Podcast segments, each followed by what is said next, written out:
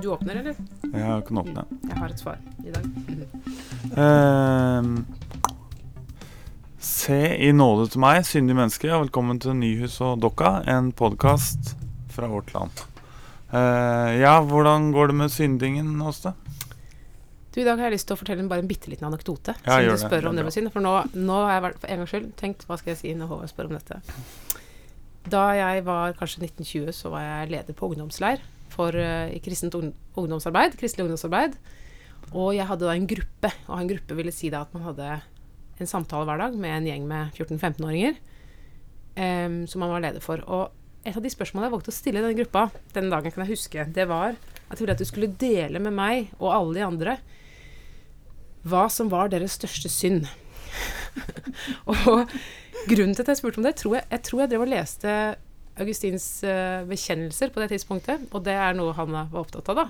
Så vi, jeg men jeg, jeg, tenker nå i ettertid, så tenker jeg hvor store er egentlig sjansene for å få et ærlig svar fra sånne kvisete 15-åringer i nærheten av deres uh, skolevenner og skolefiender og alt det der.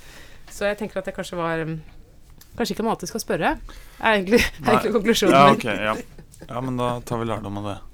Eh, skal vi stille eh, samme spørsmål til vår gjest likevel, da? Kjersti Oppstad, du er her i dag. Ja, Hei til deg. hei, hei. Har du noen uh, ting du vil bekjenne? Nei. Nei. Du er her Det er synd, altså. Nei. Nei vel? Du er her, du er her fordi du, du har i hvert fall søkt deg mot kirka til en viss grad.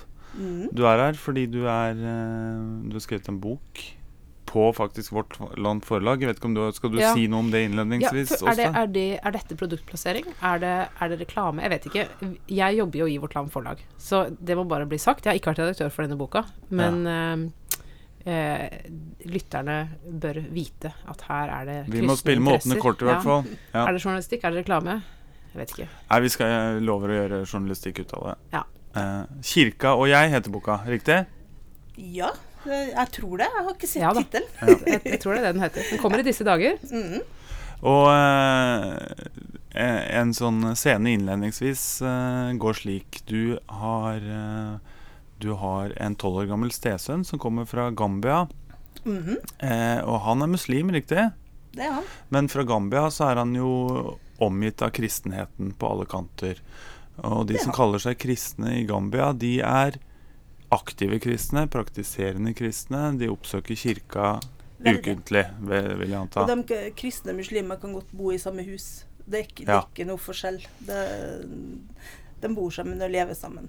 Ja, Men så blir han jo veldig stuss når han kommer hit til Norge og møter deg, som kaller seg Nei, som sier at hun er medlem i kirka, i hvert fall.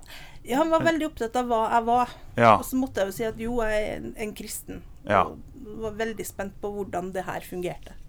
Eh, men eh, hos han så lugger dette litt, for du er jo aldri i denne kirka du mener å tilhøre. Nei, han eh, spurte veldig, veldig ofte hvorfor i all verden jeg aldri var i kirka, og hvordan jeg kunne være kristen når jeg aldri gikk i kirka.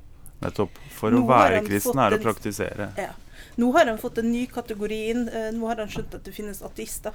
Det fantes ikke i hans eh, univers. Så nå spør han da er du kristen, muslim eller kanskje ateist. Ja. Så han Det utvikler seg. Ja, for, nå, for dette er halvannet år siden eller noe sånt han kom. Ja. Eh, men da du følte deg litt svar skyldig, er det slik å forstå? Ja, eh, jeg måtte til slutt innrømme at jeg ikke visste noe om den kirka. Eh, jeg hadde tross alt vært der veldig lite siden eh, jeg var konfirmert. Eh, og så fant jeg ut at eh, kanskje jeg skal bare gå dit og finne ut av det. Eh, og gjorde det da i bloggsform og 52 ganger i løpet av et år. eh, for å få et skikkelig innblikk. Mm. Eh, og det var utrolig spennende. Eh, den kirka var overhodet ikke sånn som jeg trodde den var. Eh, det ble et utrolig morsomt prosjekt, eh, og jeg kosa meg med det. Ja, for dette er boka, ikke sant? Ja. 52 kirkebesøk. Det er rett og slett eh, eh, Det er Oslo vi snakker om, ikke Ja. sant? Oslo og eh, 52 eh, noen, noen steder er du, er du flere ganger, og eh, mange steder er du bare én gang. På gudstjeneste, konsert eller et arrangement i regi av kirka. Ja. Ja. Jeg hadde som prinsipp at det måtte være et gratis arrangement. At jeg ikke skulle ut av busskortsone nummer én. altså nokså sentralt Mm. Oslo. Um, og så at hvis jeg skulle gå i samme kirka flere ganger, så måtte det være helt ulike typer arrangement. Um, det er jo nok kirker og kapeller og ting i Oslo til at jeg kunne holdt på et par år. Ja. Um, så eh, jeg følte meg litt sånn Kan jeg gå flere ganger i kirka? Men så var det så mye spennende som skjedde, bl.a. i domkirka, at jeg fant ut at jeg hadde gått glipp av så mye. Jeg visste at jeg begrenset meg til bare ett besøk. Kan jeg spørre, gikk du uh, Har du gått flere ganger i kirka enn det vi ser i boka? Gikk, var det sånn du måtte, måtte få med deg et eller annet? Nei, ikke i fjor? Nei. Nei, Kun 52. kun 52. Det fikk holde.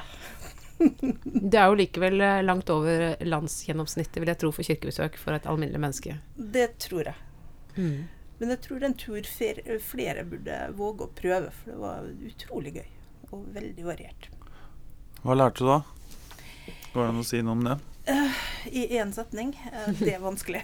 Ja, men la oss heller begynne med hva var det mest overraskende? Eller hva var noe av det mest overraskende du opplevde i løpet av det året? Hvor lik kirka jeg egentlig var. I hvordan vi tenkte, eh, i eh, hva som ble formidla.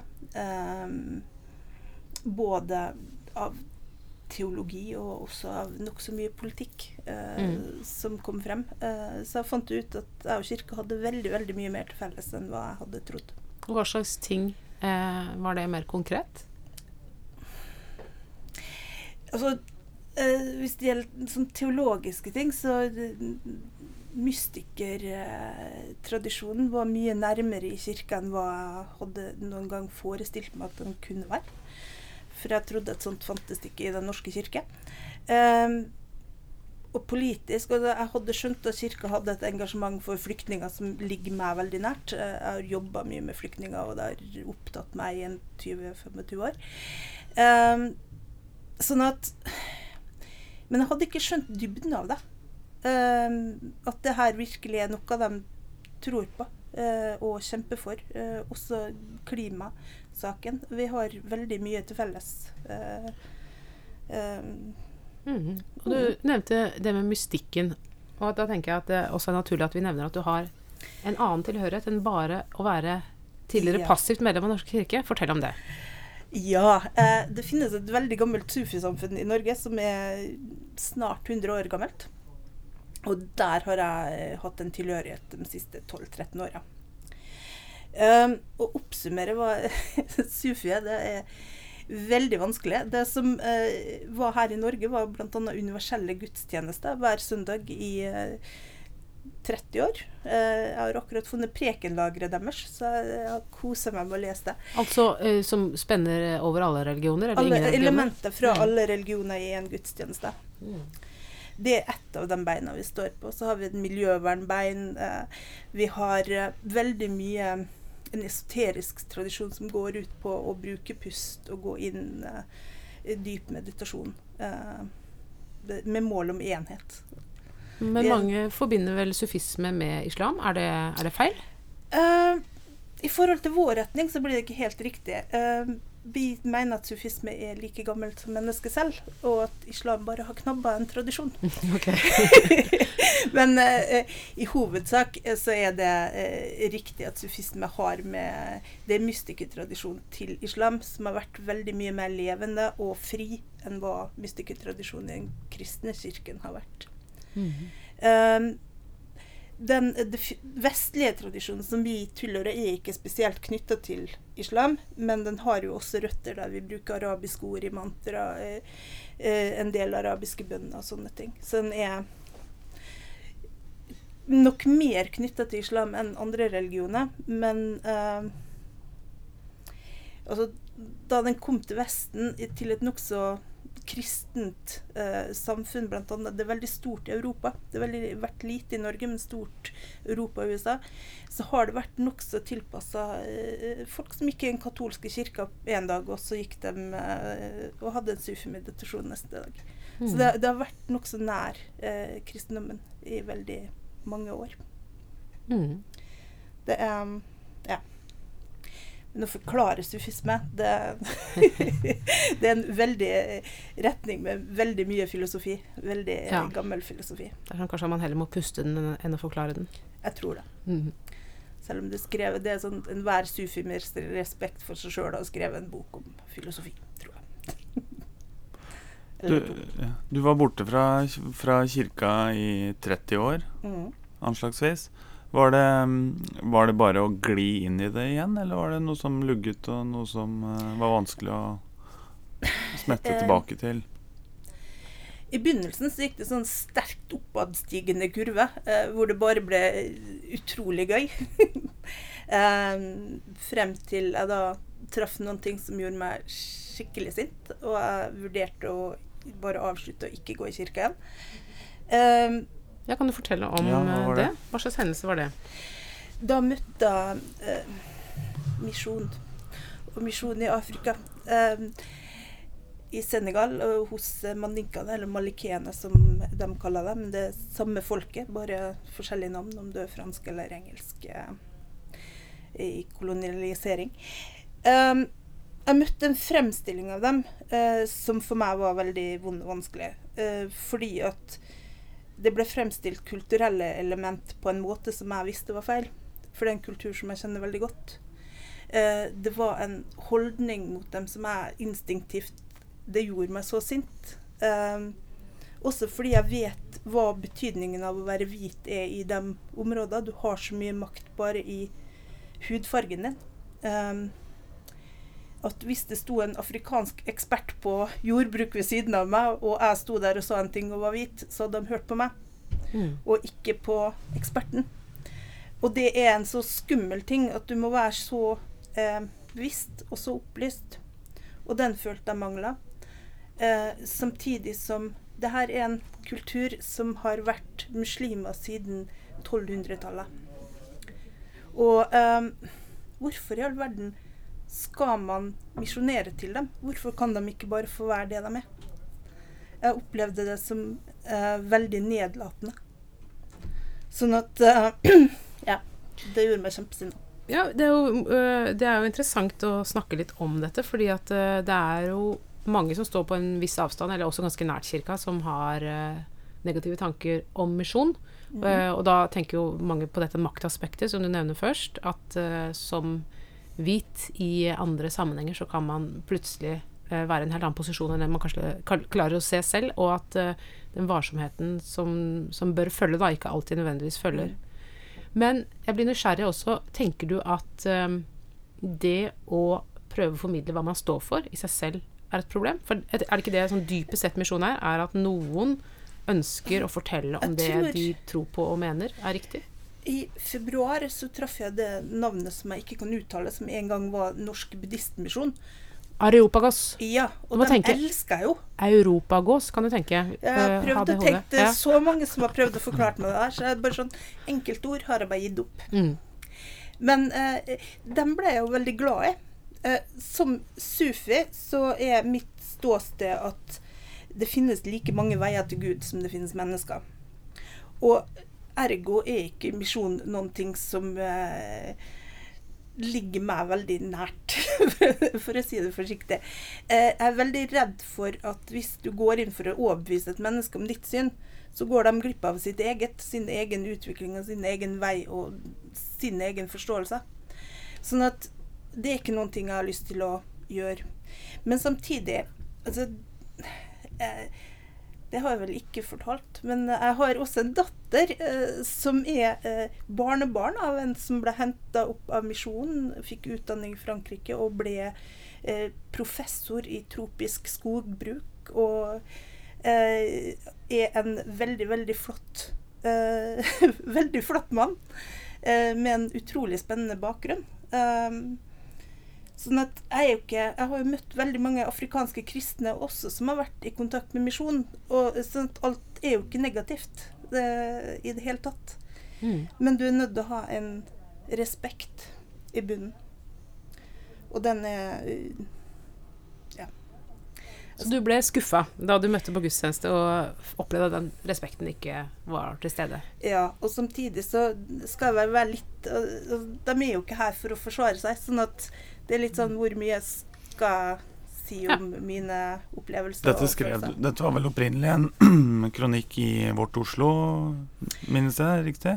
Ja, det var Som ble mye ett av mine og mye lest. 52 innlegg Ja. uh, fra den kirka. Du fikk vel kanskje noen reaksjoner fra kirka da, mener jeg? Um, ja, jeg fikk en del fra eh, den delen av kristenheten som han eh, Som var veldig glad i den misjonæren og den biten der. Og det var ikke bare pent. Ehm, men jeg fikk jo også veldig mye positivt, og jeg så jo også en del som er på innsida av kirka, som delte den kronikken og syntes den var bra.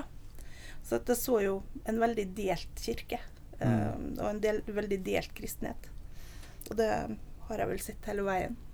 Dette var den ene lille kollisjonen du har med kirka. Den var i Grefsen kirke. Mm. Og så Det er vel slik at uh, Du får arrestere meg hvis jeg oppsummerer feil.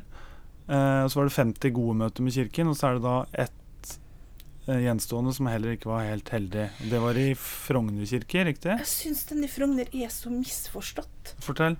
Fordi at ja, jeg satt der og var ukomfortabel i kirke Altså fordi at jeg var kledd litt annerledes og hadde en daffedag og hadde vært i kirka nokså mange ganger og var nokså lei. og så eh, følte meg nokså sånn det, det, De kikka litt stygt på meg. og Litt sånn. Men så kommer jo presten og har en helt fantastisk eh, preken som jeg jo faller helt for. Så jeg går jo ut ifra den kirka med en sånn helt Ja, for en flott kirke. Ja. Eller for en flott opplevelse. Eh, og så vet jeg ikke om det gjenspeiler seg i teksten. Fordi at eh, jeg ser ikke på den som problematisk i ettertid. Og det var Jeg følte meg veldig uglesett der jeg satt. eh, og var veldig annerledes i klesform og i eh, kode og litt sånn. Eh, men samtidig, det var jo en veldig, veldig fin opplevelse. Kanskje en av de beste. Ja. sånn at eh, Ja, nei, jeg tenkte Hvis vi først nå skal holde oss på det som ikke var helt uh, på topp, så tenkte jeg også på den uh, pinsefestivalen i, uh, Ja. på Sankthanshaugen, hvor du hadde en blanda opplevelse, sånn som jeg Mhm. leste det. At du på en måte både syntes det var flott med etiopisk eller koptisk sang ja, osv., fantastisk. men også noen ting som du ikke kjente deg hjemme i. Uh, ja. Um, det som jeg reagerer instinktivt på en del sånne ting som Jeg greier ikke helt å sette ord på det. Jeg hadde med meg en venninne eh, der som er oppvokst i et veldig konservativt kristenmiljø i USA, og hun bare sprang. Altså, hun greide ikke stemninga som var der. Hun bare sånn Jeg kan ikke være her. Hun dro.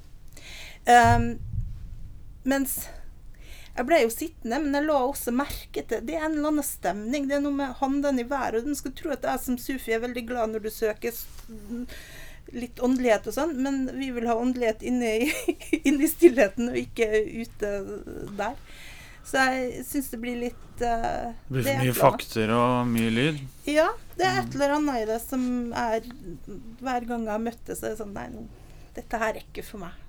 Det, Ehm, men samtidig så Den etiopiske dansen var jo helt uh, Eller det er hva var det de gjorde? Eh, den var i hvert fall veldig fantastisk.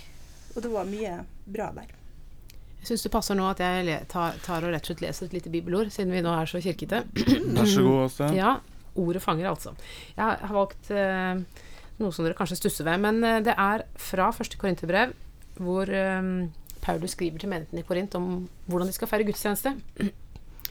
Og da skriver han noen ord som har blitt, veldig, som har blitt gjentatt veldig mange ganger i etterkant, og det er dette. I den natt da Herren Jesus ble forrådt, tok han et brød, takket, brøt det og sa, Dette er min kropp som er for dere. Gjør dette til minne om meg. På samme måte tok han begeret etter måltidet og sa, Dette begeret er den nye pakt i mitt blod. Hver gang dere drikker av det, gjør det til minne om meg. For hver gang dere spiser dette brødet og drikker av begeret, forkynner dere Herrens død helt til han kommer. Det er nesten nøyaktig disse ordene som brukes i eh, gudstjenestene våre når nattverden innstiftes. Eh, og eh, noe av grunnen til at jeg valgte dette, er at eh, her sies det jo at Jesus er konkret til stede i det som skjer. At eh, her er det eh, noe som kobler sammen guddommelige, den guddommelige sfæren og den menneskelige sfæren. Det, gudstjenesten er ikke bare et åsted for at mennesker samles og gjør noe som de syns er viktig, men også at Gud gjester åstedet, på en måte. Eh, og, og da er vi Da er det kanskje vanskeligere å være observatør eller gjest enn når man tenker at det som foregår her, er noe som skjer mellom mennesker. Eh, jeg kunne ikke la være å legge merke til, Kjersti, at du hadde en opplevelse i den andre gudstjenesten du var på, i Tonsen kirke, mm. hvor noe gikk litt eh, vel raskt i denne sammenhengen. Fortell hva, hva skjedde. Ja, eh, da gikk jeg opp til nattverd uten å være helt eh, klar for eh, den biten der, og følte at det var veldig feil å gjøre. Ja, for det kom som resultat av det du kaller en litt for inspirerende preken. Ja, det var en veldig sånn sosialistisk flyktninge, eh, for flyktningepreken. Som, som eh, Og så reiste alle seg og gikk opp, og da gikk bare jeg òg. Men det, det, da kjentes det veldig feil. Um, Seinere så har jeg vært veldig mye til nattvær. Eh, gjort litt feil og litt sånn. Men hva, Jeg forstår ikke helt hvorfor det var feil. Var det prematurt? Forhastet? Er det slik å Jeg følte vel kanskje det var for dem som virkelig tilhørte kirka. Eh, Jeg hadde en idé om at du måtte være veldig veldig kristen for å gjøre det. da. Nå har jeg ikke den ideen. Ja. Eh, Nå syns det bare det er veldig greit å gå opp, eh, og så får nå det være som det er med det. Ja, for det er interessant. eh, Det skjer også en glidning, har jeg lagt merke til i, i, i boka. I, I lang tid skriver du dem om kirka. Ja. De synger. Her har de det slik. De går fram. De eh, hører på, osv. Og, og så skriver du, når du kommer til Jan kirke, vi. Hvor du Ja. er med i denne flokken, og ikke bare, bare en som er på besøk. Nei.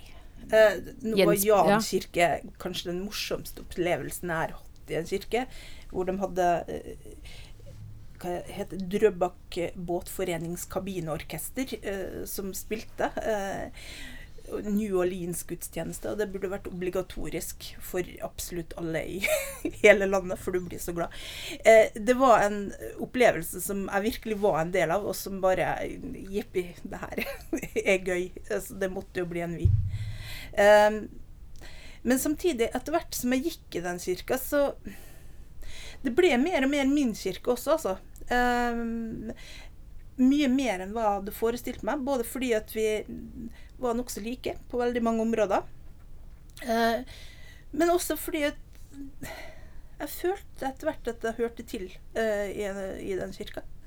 Og det gjør jeg vel eh, eh, enda, på mange måter. Eh, samtidig som jeg er veldig Jeg tror ikke jeg hører til én kirke her i Oslo. Jeg tror jeg etter hvert hører til mange litt sånn spredde kirker som har veldig lyst til å delta på tinget.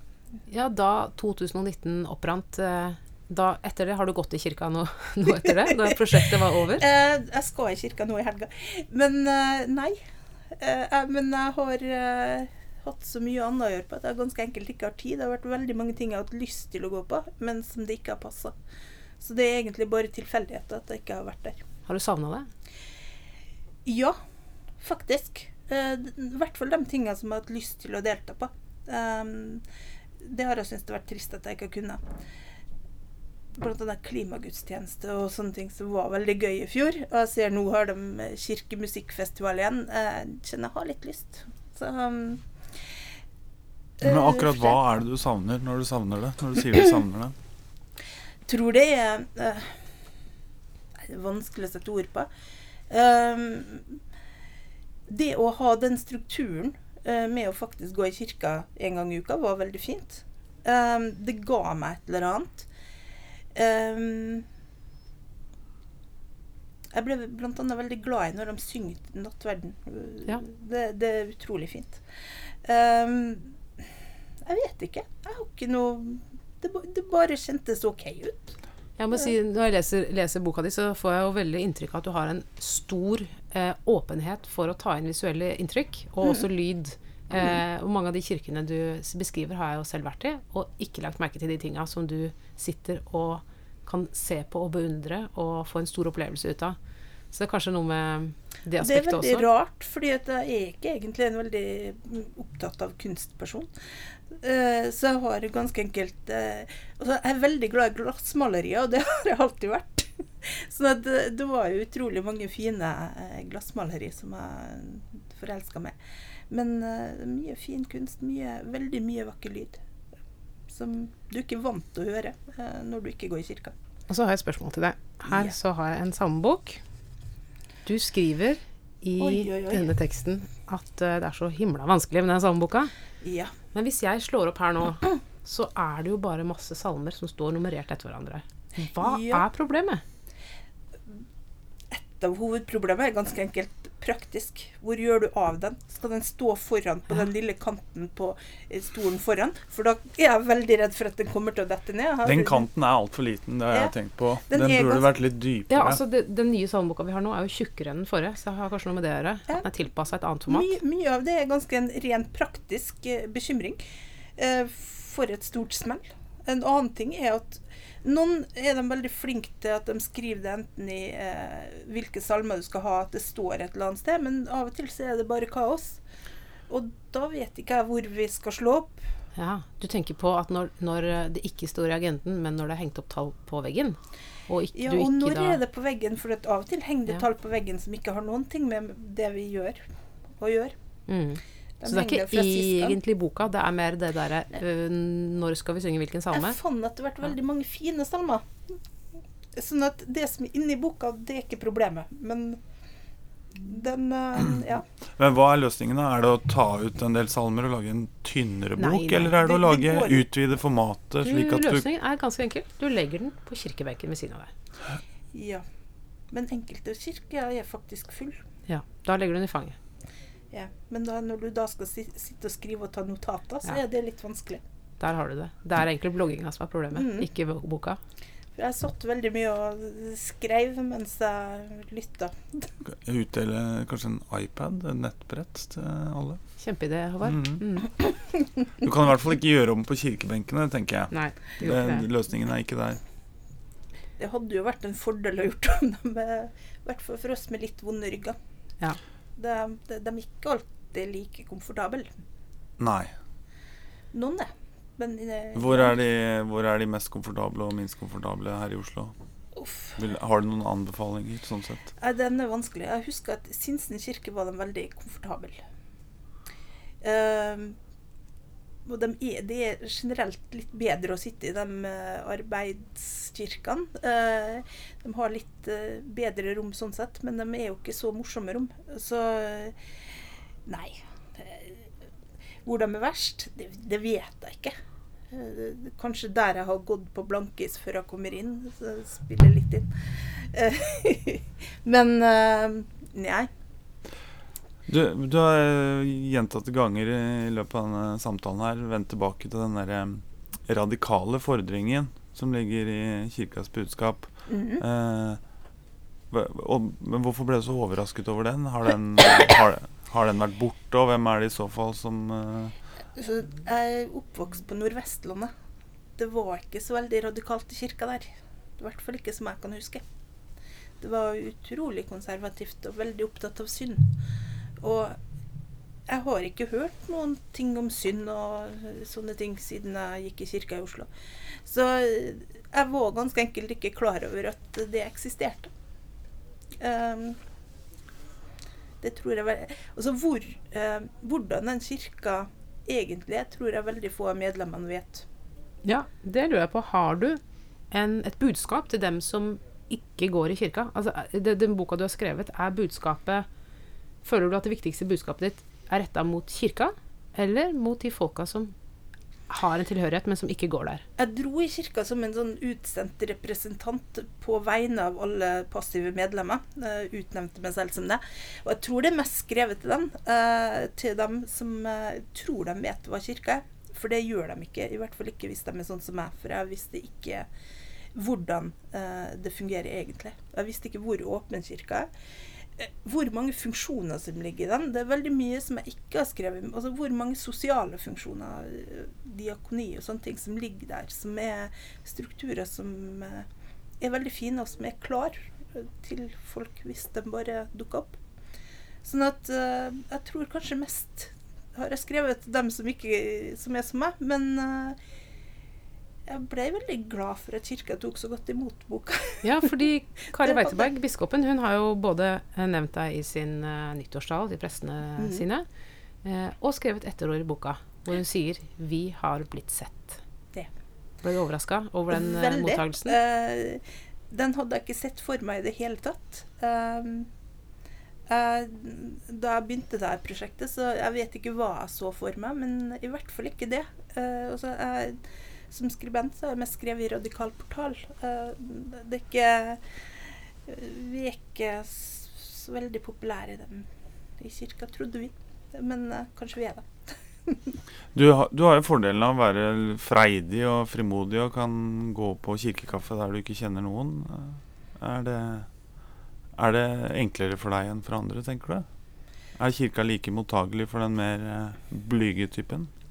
Første gang jeg var i kirkekaffe, så hadde jeg med en journalist fra kirken.no. Det hjalp. Ja. Det anbefales. eh, fordi det er En å holde i handa? Ja, det, det er et sånn stort steg, tror jeg, for de fleste. Bare eh, våge å settes ned og være på kirkekaffe sammen med en haug med mennesker du ikke kjenner.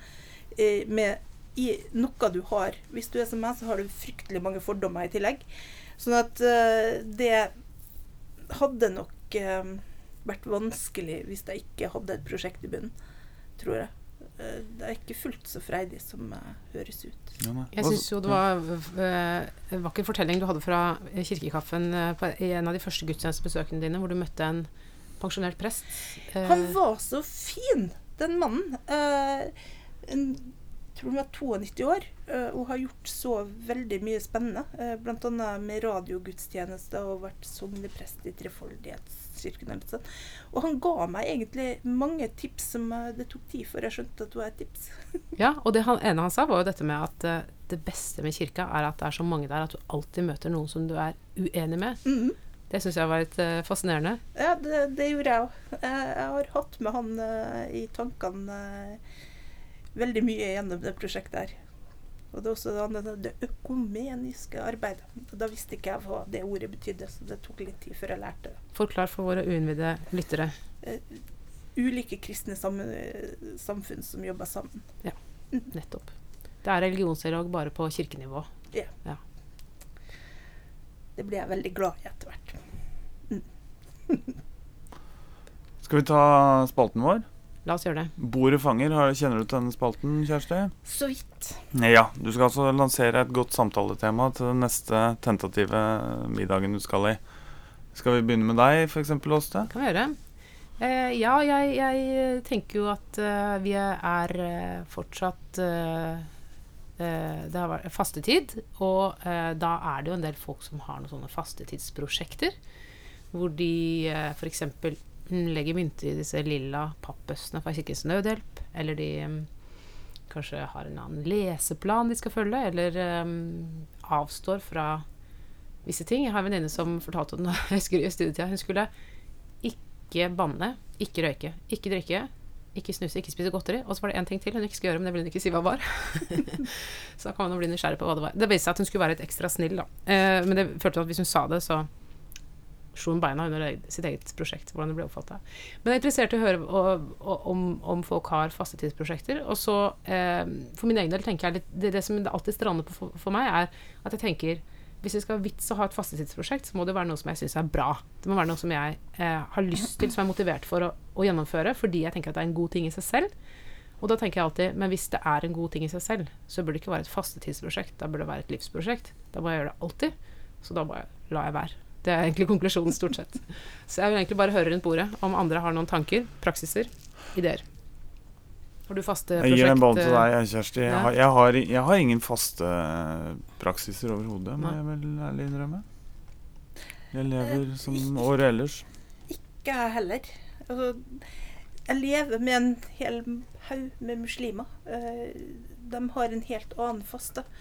Så i år planlegger jeg å stikke av. La dem faste i fred, for det, Blir de sure? Er de gretne? det har jeg ikke lov å si. Okay. De, de, de har ikke lov å være sur. Ja, nettopp. Jeg trodde, det bare- det de hadde. jeg trodde de hadde en slags eh, løyve til det. Nei, det, altså, det her skal gjøres med glede, og ergo så skal de ikke være sur. Men i realiteten er de sur, ja. Men det har Mm. ikke jeg lov å si. Så derfor skal jeg stikke av. Så ditt prosjekt er å være glad i muslimenes faste. Ja, men det, det er også en veldig hyggelig tid. Ja. Det, men den kristne fasten har jeg veldig lite forhold til, egentlig. Mm.